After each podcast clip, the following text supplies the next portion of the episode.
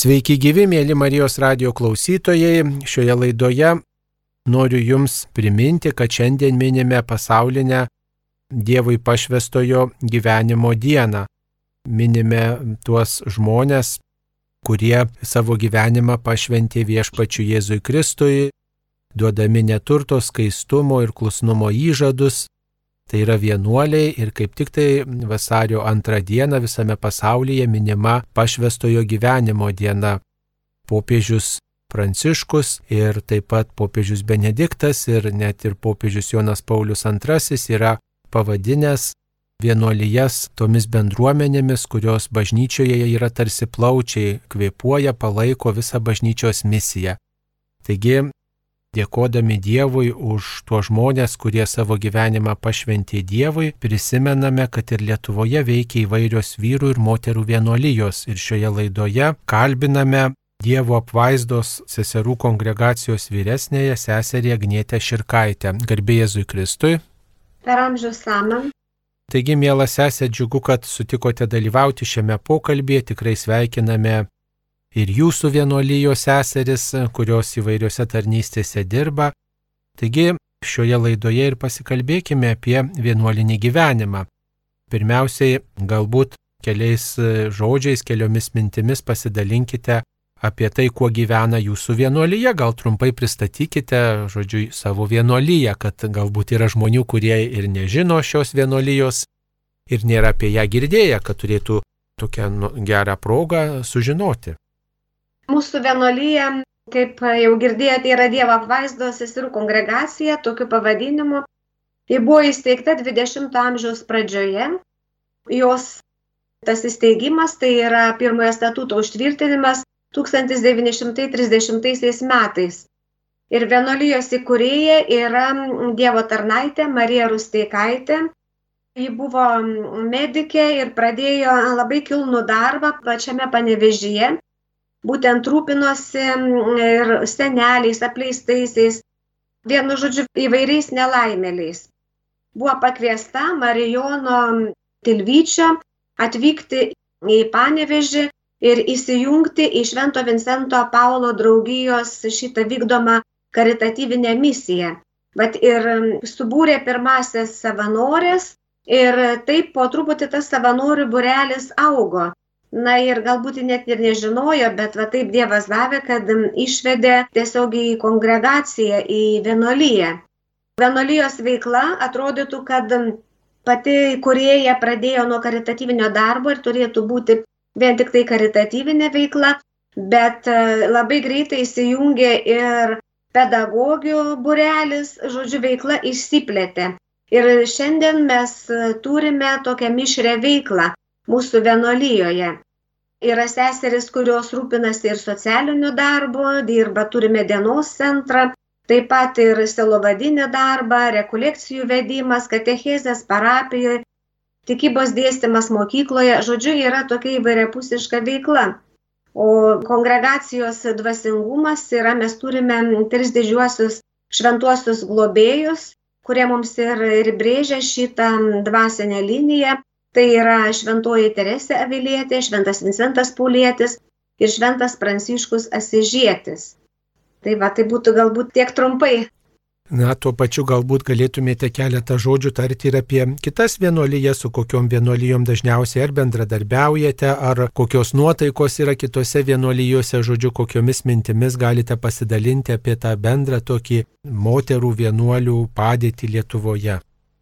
Mūsų centras yra panevežys, arčiausiai yra seseris Marijos tarnaitės, taip pat kotrinietės, su kuriuom ir, ir dažnai susidurėm ir apsikeičiam tam tikrom mintim ir dalyvaujam ir kartu rengiam pašvesto gyvenimo dienas arba dar taip, kas reiškia būna, dalyvaujam vienu kitų šventėje, ten įžadų kokiam tai šventime arba rekolekcijose taip pat mielai kviečiamės vienos kitas bet taip pat seserys, kurios dirba ir mūsų yra noviciato ir kartu apaštalavimo toks apaštalinis namas yra Utenoje, seserys dirba taip pat ir bendradarbiauja su Tiberiados broliais, kurie irgi yra arti. Taip pat ir su kitom vienolyjom būna daug tų susitikimų, vakarienių, tokių pasikalbėjimų. tam tikrom įvairiom progom, tai žodžiu, nu esam atviros, nesam tokios uždaros. Tai o kai bendradarbiaujate su kitomis vienuolyjomis, turite tokius ryšius ir įvairių susitikimų ir pastoracinių projektų yra, tai reiškia, kad šiems laikams yra svarbus tas vienuolinis pašaukimas, kaip galėtume pabrėžti, galbūt apibendrinti tuos aspektus, kodėl reikia vienuolynų šiems laikams. Tai manau, kad visiems laikams reikėjo tų vienuolynų, niekas turbūt nenuginčytų, bet e, šiems laikams, kurie yra taip e, tokie labai neramus, sakyčiau, taip žmonės yra pasimetę, jie ieškantis yra ir tiesiog vienuolynai tampa tos dvasios oazėm, tylos, ramybės, susikaupimo tai ir dvasinės krypties atradimo. Vis tiek nuo senų amžių vienuolynai turėjo tam tikrą tokią funkciją Tai vienas dalykas, reiškia, atrasti žmonėm galbūt asmeniškai iš tiesų tą dvasinę pusiausvyrą. Ir iš kitos pusės bendrai visuomenėje ar pasaulyje tiesiog galima sakyti, tas mūsų liūdėjimas yra tarsi kaip pirštas į dangų. Tai yra grinai Dievo liūdėjimas. Ir vienuoliai dažnai, pavyzdžiui, turi tą išorinį ženklą, abitą ir galbūt ne vienas susimasto, matydamas gatvę, tokią vat praeinančią seserį ar brolį apsirengusi to išoriniu ženklu ir pagalvoja, na, kaip čia yra, kad dar šiais laikais, vat, yra tokių žmonių. Ir ne vien tik tai senų, bet ir jaunų žmonių, kurie atiduoda savo gyvenimą Dievui, pasišvenčia visiškai. Tai va sakyčiau, kad iš tiesų yra tas labai gyvastingas ir gajus ir, ir niekada nesenstantis tas liūdėjimas ir reikalingumas. Na, o tų besikreipiančių pagalbos, besikreipiančių maldos dvasinio palydėjimo žmonių ar yra labai daug šiais laikais, kaip galėtume palyginti, ar jų daugėja, ar kaip tik tai mažėja, nes yra įvairių vienolyjų, įvairių iniciatyvų pastoracinių. Maničiau, priklauso gal šiek tiek ir nuo pačios vienolyjos. Kiek ji bendradarbiauja, kiek ji atsiveria, kiek ji įsileidžia tos žmonės. Čia irgi yra labai svarbus momentas Bet šiaip tai žmonės iš tiesų ieško ir mes pasikalbam ir mūsų seseris dalyjasi, kad e, tikrai, jeigu jau atveri duris, tai jos ir neužsiveria. Žodžiu, ir skambučiais, ir, ir apsilankimais prašo patarimo, vidinės ramybės kažkokio suradimo, ar ilgesnio, ar momentinio palidėjimo. Žodžiu, vis tiek žmonės, nu, supranta, kad čia galbūt kita kokybė yra kitos kokybės truputėlį tas bendravimas ir tas dvasios toks nešimas. Tai, žodžiu, žmonės iš tiesų kreipiasi. Kiekviena galbūt sesuo patiria tą bendravimą su tais žmonėmis, galbūt vienos daugiau, kitos mažiau, bet aišku, kaip sakiau, priklauso nuo to, kokiu laipsniu yra atveriamos duris vienolyjos. Na taip, žmonės nori galbūt ir domisi vienuoliniu gyvenimu, tačiau dažnai turbūt ne tik smalsumas atgena į vienuolyną, tačiau ir noras galbūt pabėgti nuo skubėjimo, tos pasaulio sumaišties ir tiesiog nuo įvairiausių tų reikalavimų, tos konkurencijos, kurios tiek daug yra pasaulyje, noras žmonėse pabėgti vienuolynę, pabūti tylos dienose, susikaupimo dienose, rekolekcijose Ar pastebite tokį samoningesnį pasauliečių norą būtent tokioms rekolekcijoms, susikaupimo dienoms? Iš tiesų galima tai patvirtinti ir seseris, kurios rengia rekolekcijas, dažnai nebegali sutalpinti žmonių, nes yra rekolekcijų namai, jie yra riboti. Negali padidinti to skaičiaus, jeigu žmogus ieško to susikaupimo, tos tylos ramybės, jam reikia ir tam tikrą aplinką tokią minimalę sukurti, duoti tam tikrą erdvę ir ta erdvė na, negali būti labai perpildyta.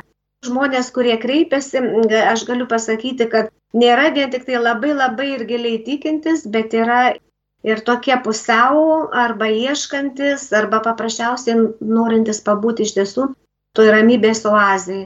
Tai tikrai tas poreikis yra augantis. O kaip dar galėtų labiau atsiliepti vienuolijos į šitą dvasinio palydėjimo poreikį, į tą žmonių norą pabūti maldos bendruomenėse? Ar reikia daugiau pajėgų, ar dar kažko patalpų? Visų pirma, manau, kad reikalingas galbūt vienolyjų tokia drąsa, tiesiog nudrysti, siūlyti šitą tarnystę. Tai vienas dalykas, bet be abejo, kiekviena vienolyje pasakys, ar čia kiekviena sesuo yra tam pašaukta.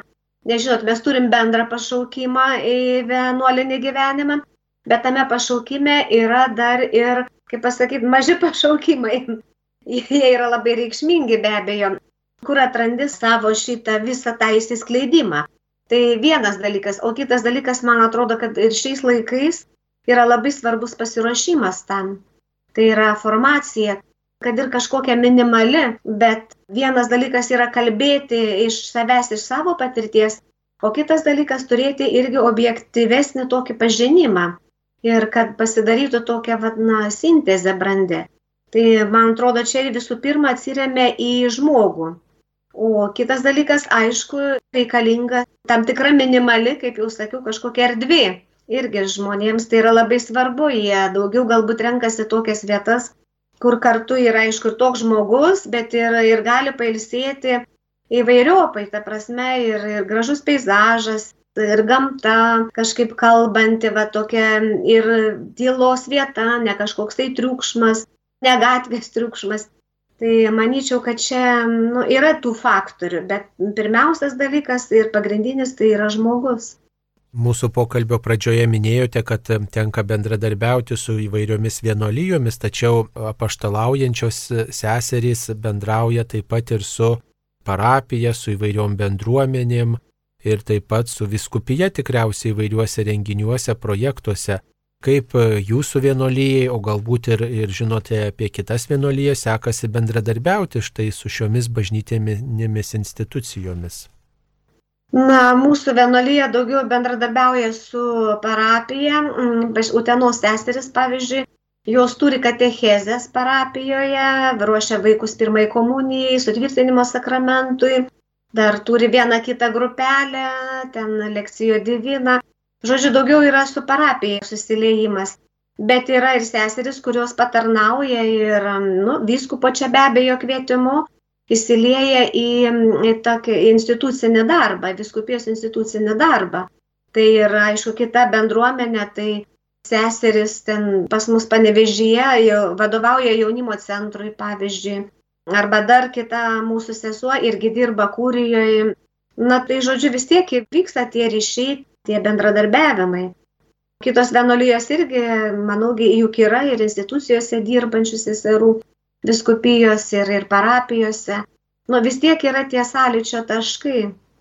Turbūt dažniausiai vienolyjoms tenka bendradarbiauti su parapijų dvasininkais, su klebonais, vikarais, taip pat įvairiais pasauliečiais bendradarbiais, katechetais, kad ir su zakristijonais.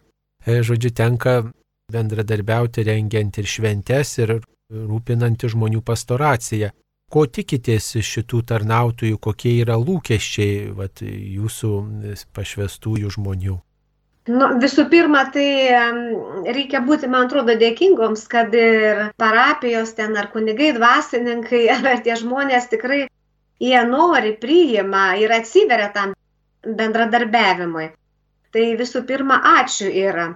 O iš kitos pusės, galbūt ten, kur trūksta tų iniciatyvų, gal nepabijoti atsiverti, nes dažnai turbūt galvojama, kad štai dabar susitiks du tokie dvasiniai autoritetai - hierarchinė kunigystė ir pašvestas gyvenimas, du dvasiniai autoritetai.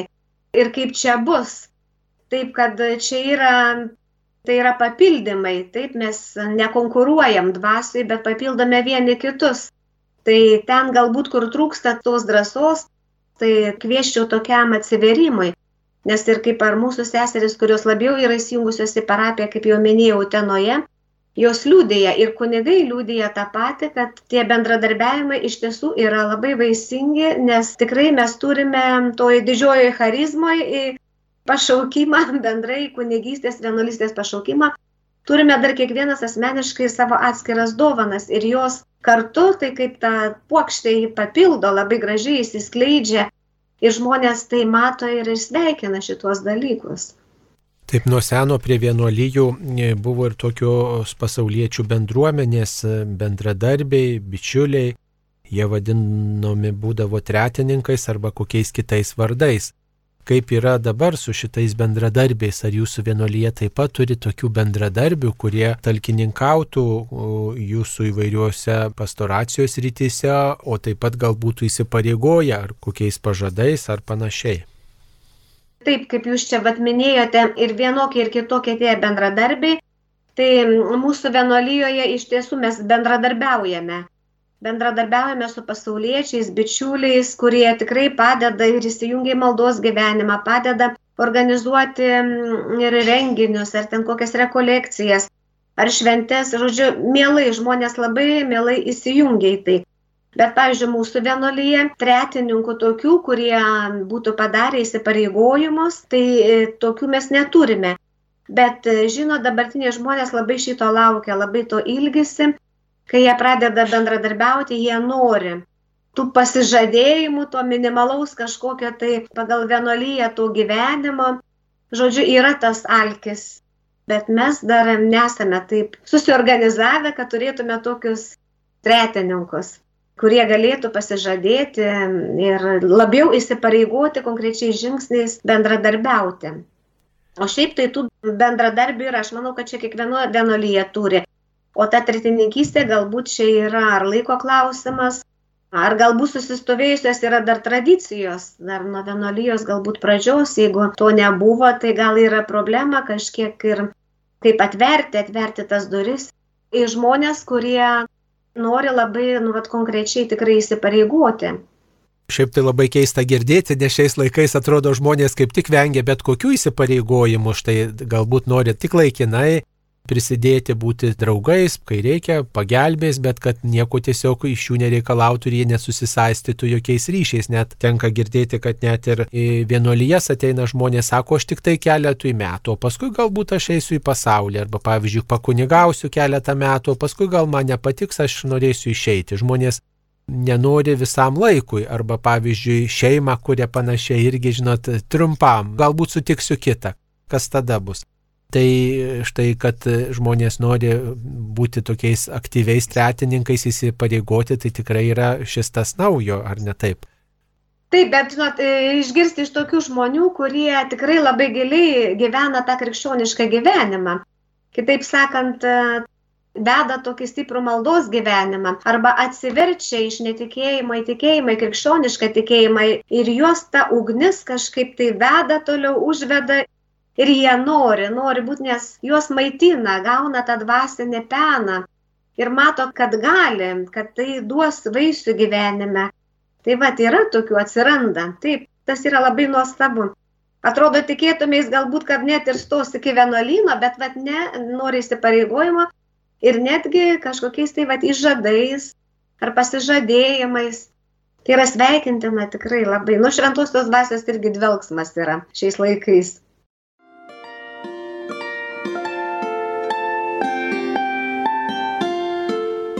Jūs girdite Marijos radiją.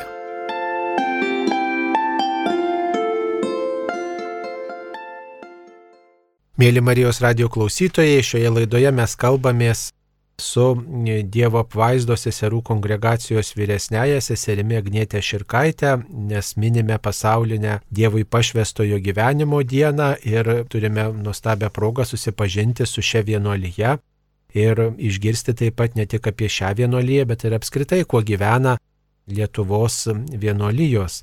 Nes seserys bendrauja su ir kitomis bendruomenėmis ir, žodžiu, panašiais dalykais, panašiais rūpeščiais turbūt rūpinasi ir stengiasi juos įspręsti ir visos Lietuvos vienuolijos. Taigi, tęsėme mūsų pokalbį, mielą sesę. Reikėtų pasakyti turbūt keletą žodžių ir apie tų pašaukimų gimimą kaip jūsų vienuolyje štai susiduria su tuo pašaukimu trūkumo klausimu. Gal e, tiesiog jūs taip pat slegia kaip kai kurias kitas vienuolijas, štai kad trūksta pašaukimų, kad yra tik tai gal vyresnės seserys ir kad tų sričių yra labai daug, o seserų nėra tiek daug, arba tos seserys ateina iš pasaulio su tokiom pasaulietinėm nuotaikom. Kaip va tas pašaukimo trūkumas jūsų išgyvenamas? Na, mes, aišku, vieną kitą turim jauną seserį, bet žinoma, tai nėra kažkoks tai labai didelis skaičius. Ir iš tiesų labai jaučiasi tasai pašaukimų stygius, na bet žinoma malda, malda keliame viešpati savo maldą ir kad siūstų mums tų daugiau darbininkų, kaip ir visas kitas vienuoliškas šeimas. Bet man atrodo, kad nu, reikia galbūt daugiau vienolyjom įsipareigoti, galbūt daugiau dirbti šitoj pastoraciniai pašaukimų srityje.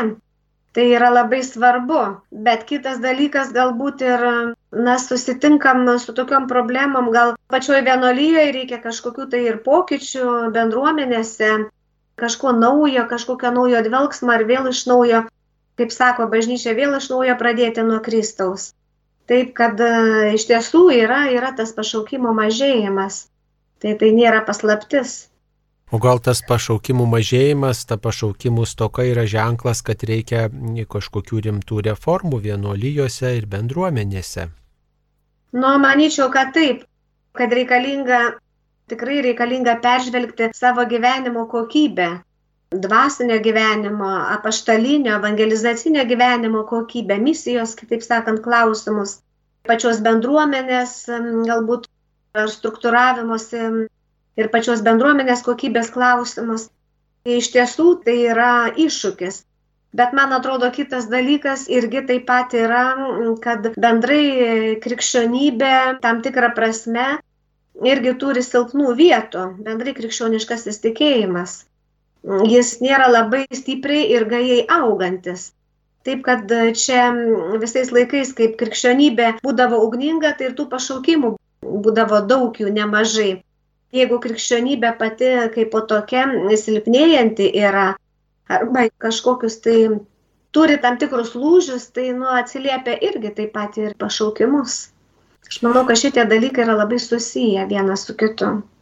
Na, taip pat girdime, kad viskupai ir kunigų seminarijose kalba dėstytojai apie tai, kad mūsų šeimos yra labai tokios mažos ir mūsų šeimose, krikščioniškose šeimose nėra puoselėjama ta pašaukimų kultūra. Galbūt ir su šeimomis mažomis ir taip pat su tuo tokiu individualizmu, egoizmu yra susijęs tas pašaukimų stokos klausimas, kaip manote. Turbūt irgi taip aišku yra daug tų veiksnių. Ir galbūt tikrai, kad ir krikščioniškos šeimos, bet jos turbūt yra nedrasios ir bijančios kad, reiškia, mano vaikas galbūt jeigu vat, išeis į tą dvasinį tokį stiprų gyvenimą, į vienolystę ir kunigystę, tai atrodo, kad taip jau nutols nuo manęs, bus taip jau radikaliai skirtingas, kad mes jau nebegalėsim tarsi bendrau susitikti. Be abejo, yra ta baimė, tas nedrasumas. Ir aš manau, kad tikrai krikščioniškose šeimose ne vieną kartą girdėjau, kaip tik per šventos šeimos šventę girdėjau vieną dvasininką, sakant per pamokslą, tiesiog per homiliją tokį dalyką. Sako, aš dabar nekalbėsiu apie šeimas, labai daug kalbam apie tai, bet kalbėsiu apie tai, kaip šeimos turėtų neužgošti vaikuose pašaukimo. Ir labai aš buvau nustebinta štai, kad per tokią šventę iš tiesų ne apie šeimą yra, bet apie tai, kaip jie turi atsiverti radikaliai Dievo vedimui ir nebijoti pasakyti, na taip, taip viešpate, tu dovanoji man gyvybę, aš esu atviras, kur dabar ta gyvybė nukeliaus. Na bet ar tuos krikščioniškos šeimos tikrai palaiko ir skatina tą pašaukimą į vienuolinį gyvenimą ir apskritai į tą pašaukimo atradimą, į tuos giliuosius troškimus, ar atkreipia dėmesį, kaip manot, ar tikrai mūsų šeimose pakankamai skiriama tam dėmesio, ar tą pamokslą išgirdo žmonės tie, kurie klausė, ar kažkaip susimastė, ar diskutavo bent apie tai savo šeimose.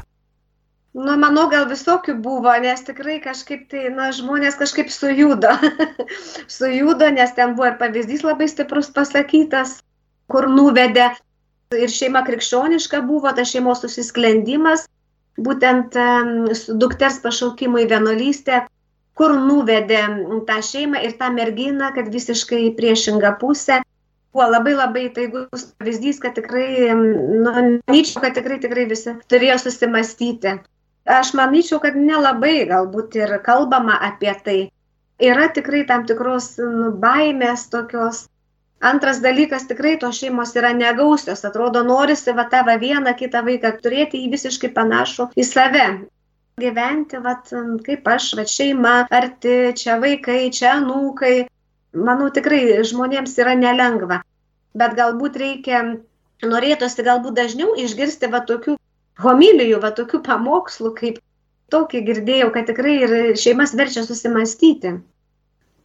Va, o kaip galėtumėte išsklaidyti tuos tokius nepagristus, tokius kaltinimus ir kaip paliūdyti, va, iš, ir iš savo patirties, ir iš vienuolinės šeimos patirties apie tuos santykius, ar iš tiesų tie santykiai labai nutrūksta su savo šeimos nariais, su giminėms, su tėvais ir paskui kaip senatvėje jūsų vat, vienuolių tėvai, koks jų likimas, ar jie turi, kaip sakoma, mirti ant svetimų rankų, ar tikrai turite galimybę skirti laiko jiems, ar atsivežti juos į vienuolyną, kad žmogus galėtų štai tokioj maldingoje aplinkoje dienas praleisti, iškeliauti, pasiruošti.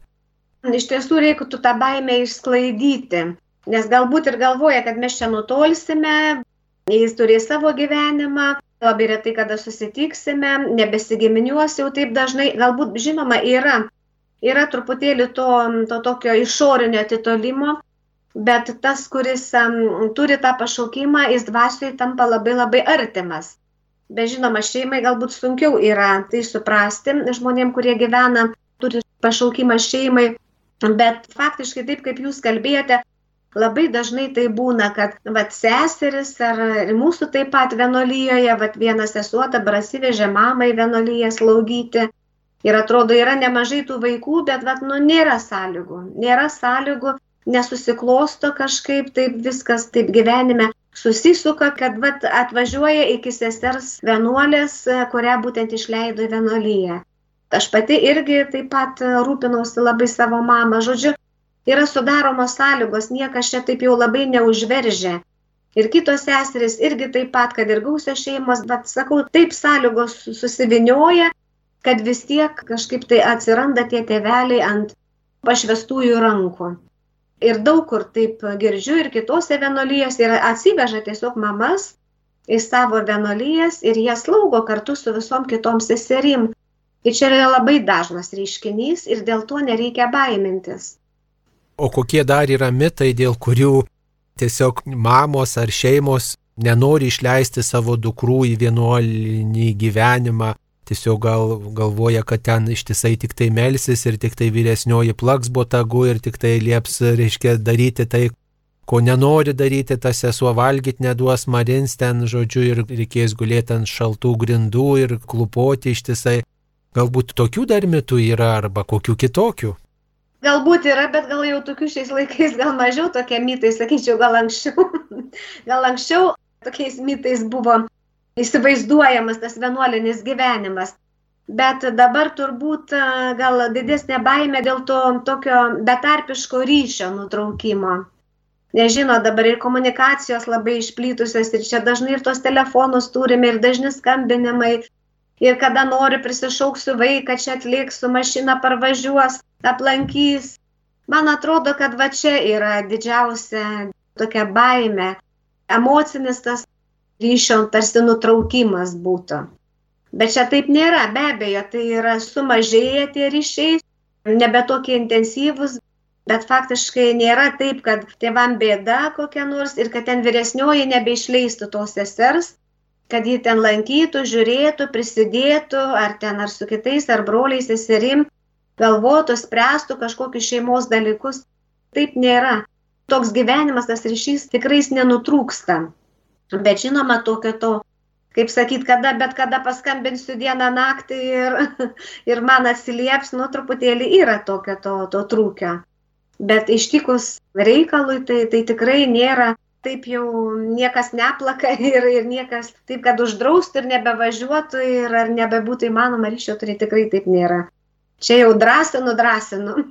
Dar vienas toks dalykas, kad, e, reiškia, žmonės turbūt svarsto, jog vienuolės neturi visiškai jokio laisvalaikio, jos turi tik tai melstis ir tik tai kalbėti poterius ir būti koplyčiai ir, ir nėra kada nei, nei pasigrožėti, nei gamta, nei kažką tokio skanaus išsivirti, nei pasmaguriauti, nei pasivaikščioti, nei prie jūros nuvažiuoti, tiesiog kad jos neturi visiškai nei atostogų, nei laisvalaikio, nei kažkokios pramogos, Gal ir šitą temą reikėtų šitą pasakyti ir nuraminti mūsų klausytojus, kurių galbūt vaikai, dukros ypatingai svarsto apie vienuolinį kelią.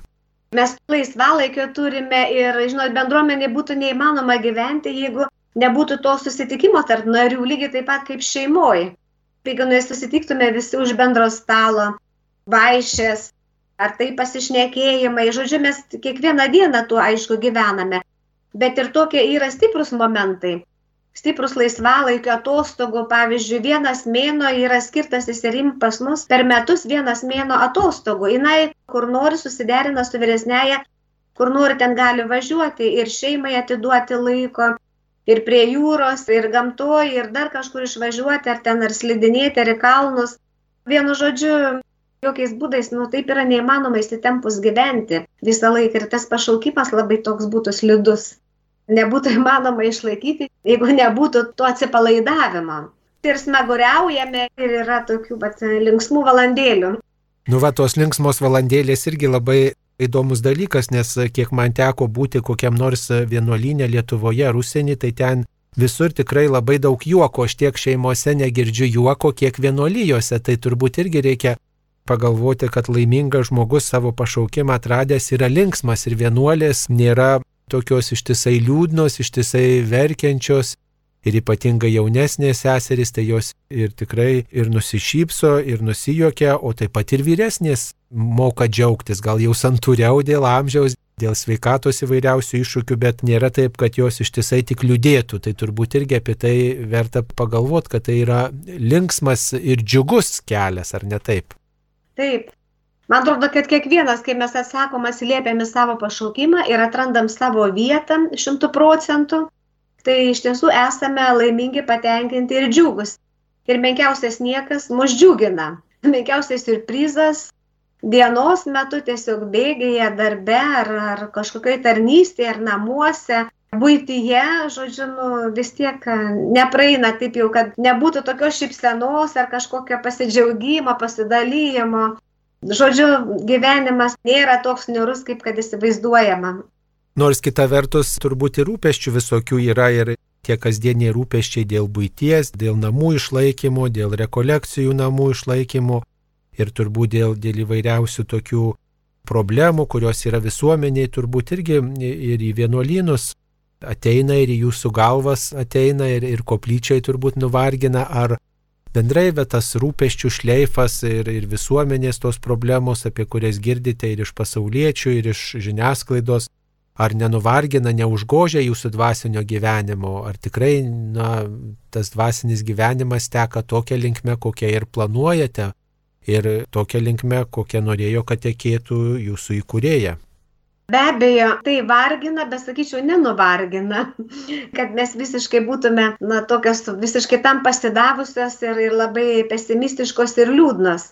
Be abejo, tie visi iššūkiai, kuriuos minėjote, jie braunasi ir nieko nepadarysi, čia toks yra mūsų gyvenimas. Bet kas mums duoda tos atstiprybės, kodėl mes ir nenuvargstame visai, nenusivarginame iki galo. Tai va, tai čia va ir yra mūsų laimė, mūsų džiaugsmas. Be abejo, tų iššūkių daug yra, kaip um, dėlioti, kaip derinti misiją ar kažkokią tai tarnystę, ar kažkokį tai darbą su visų dvasinio gyvenimo tuo bloku. Taip sakant, kaip sujungti, kaip tas sintezė, kad nei viena, nei kita nenukentėtų. Tai čia jau yra tokie iššūkiai, su kuriais jau nuo pat e, pirmųjų formacijos metų jau susitinka jaunos seseris ir pradeda spręsti, kokius aš pasirinkimus darysiu, ką privilegijuosiu, ar kokius darbus, ar tą atidėsiu, ar kad nenukentėtų tas mano dvasinis gyvenimas, asmeninis ryšys su Jėzumi. Aišku, visuomenė visada nori labiau pažinti, galbūt smelsumo vedama vienuolinį gyvenimą ir vienuolius Ir štai prieš keliarius metus Vilniuje buvo tokia palapinių šventė, kai parke miestiečiai galėjo bendrauti su vienuoliais ir vienuolėmis ir mokytis net vienuoliškų užsiemimų, ne tik tai maldos, gyvenimo tokių subtilybių, kalbėtis apie maldą, bet taip pat ir visokių praktiškų dalykų ir net pasidomėti tuo, ko vienuolės, vienuoliai užsima laisvalaikiu. Turbūt ir jums teko dalyvauti tokioje šventėje, kiek apskritai tokios šventės padeda visuomenė ir net nuo tikėjimo nutolusiems žmonėms pažinti vienuolijas, vienuolius. Ir paskatina tą pašaukimų kultūrą, paskatina svarstyti ir prisiminti, kad visuomeniai, pasaulyje yra ir toks pašaukimas ir yra tokie žmonės, kurie jaučia džiaugsmą šitam keliui ir mato prasme.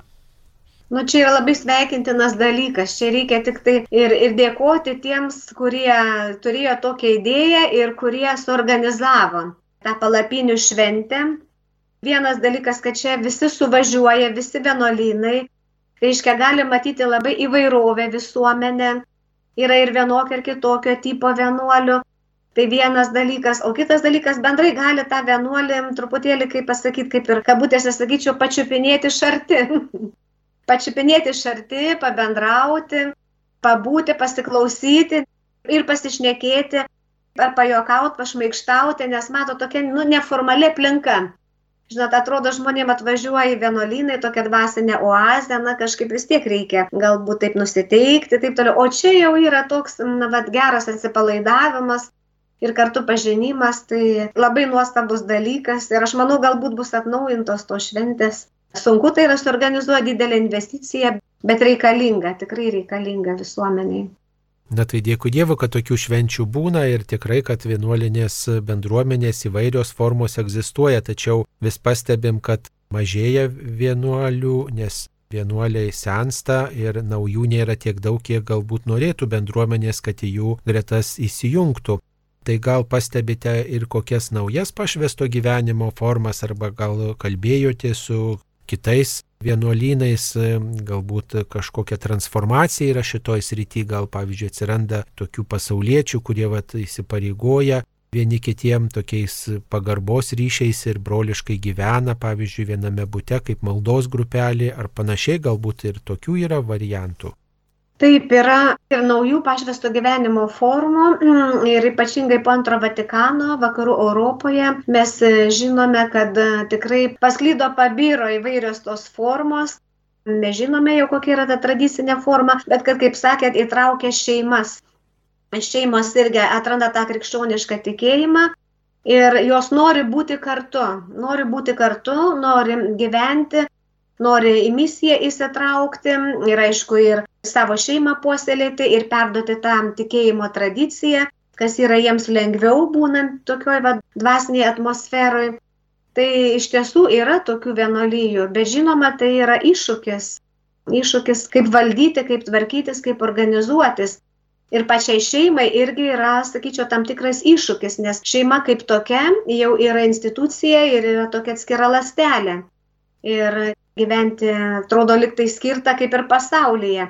Bet e, tikrai tai yra, nu, sakyčiau, va, šventosios dvasios irgi apraiška tokia įdomi ir nauja ir galbūt liūdėjimas pasauliui plečiant būtent tą krikščionišką tikėjimą.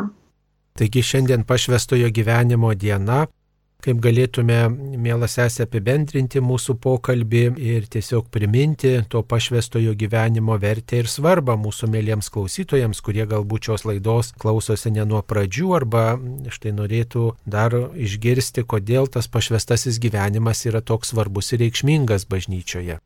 Kaip žinome, pašvestasis yra vienuolis, pašvestasis arba konsekruotas yra toks žmogus, kuris pašauktas yra Dievo ir radikaliai atsidavęs. Pašauktas radikaliai sekti Kristų. Pasauliui ir yra nuoroda, nuoroda į tikėjimą, į bažnyčią, į Dievą, į Kristų, į Evangeliją. Tokia ryški ir, ir tokia kalbanti yra nuoroda. Ir jis labai nu, reikšmingas tas tiek pasaulyje, tiek visuomenėje, bet tiek ir pačioj bažnyčiai. Būtent, kur atskleidžiam Mes su įsitikinimu, kad e, būtent pašvestasis gyvenimas yra tas radikalus krikšto malonės pašaukimo į krikščionišką tikėjimą, radikalus yra užsengažavimas, radikalus įsiskleidimas. Tai čia tiek pasauliui, tiek ir bažnyčiai tai yra labai svarbu. Mėly Marijos radio klausytojai, šioje laidoje girdėjote Dievo apvaizdos seserų kongregacijos vyresnėje seserį Agnėtę Širkaitę. Ja kalbinojame pasaulinės Dievui pašvestojo gyvenimo dienos progą ir tikrai šią progą sveikiname visas Lietuvos vienuolijas, visas Lietuvoje besidarbuojančias vienuolijas, tegul viešpats laimina jų darbą, dovanoja naujų pašaukimų ir padeda ištverti tikėjimo keli ir pastoracijos įvairiose srityse. O visus kviečiame tikrai maldą lydėti pašvestuosius ir prašyti, kad šios bendruomenės tikrai būtų dangaus karalystės liudytojos ir mūsų bažnyčios talkininkės. Seserė Agnėtė, šioje laidoje kalbino aš kunigas Saulis Bužauskas. Būkite palaiminti savo pašaukime. Ačiū sudė. Ačiū sudė Dievo palaimas.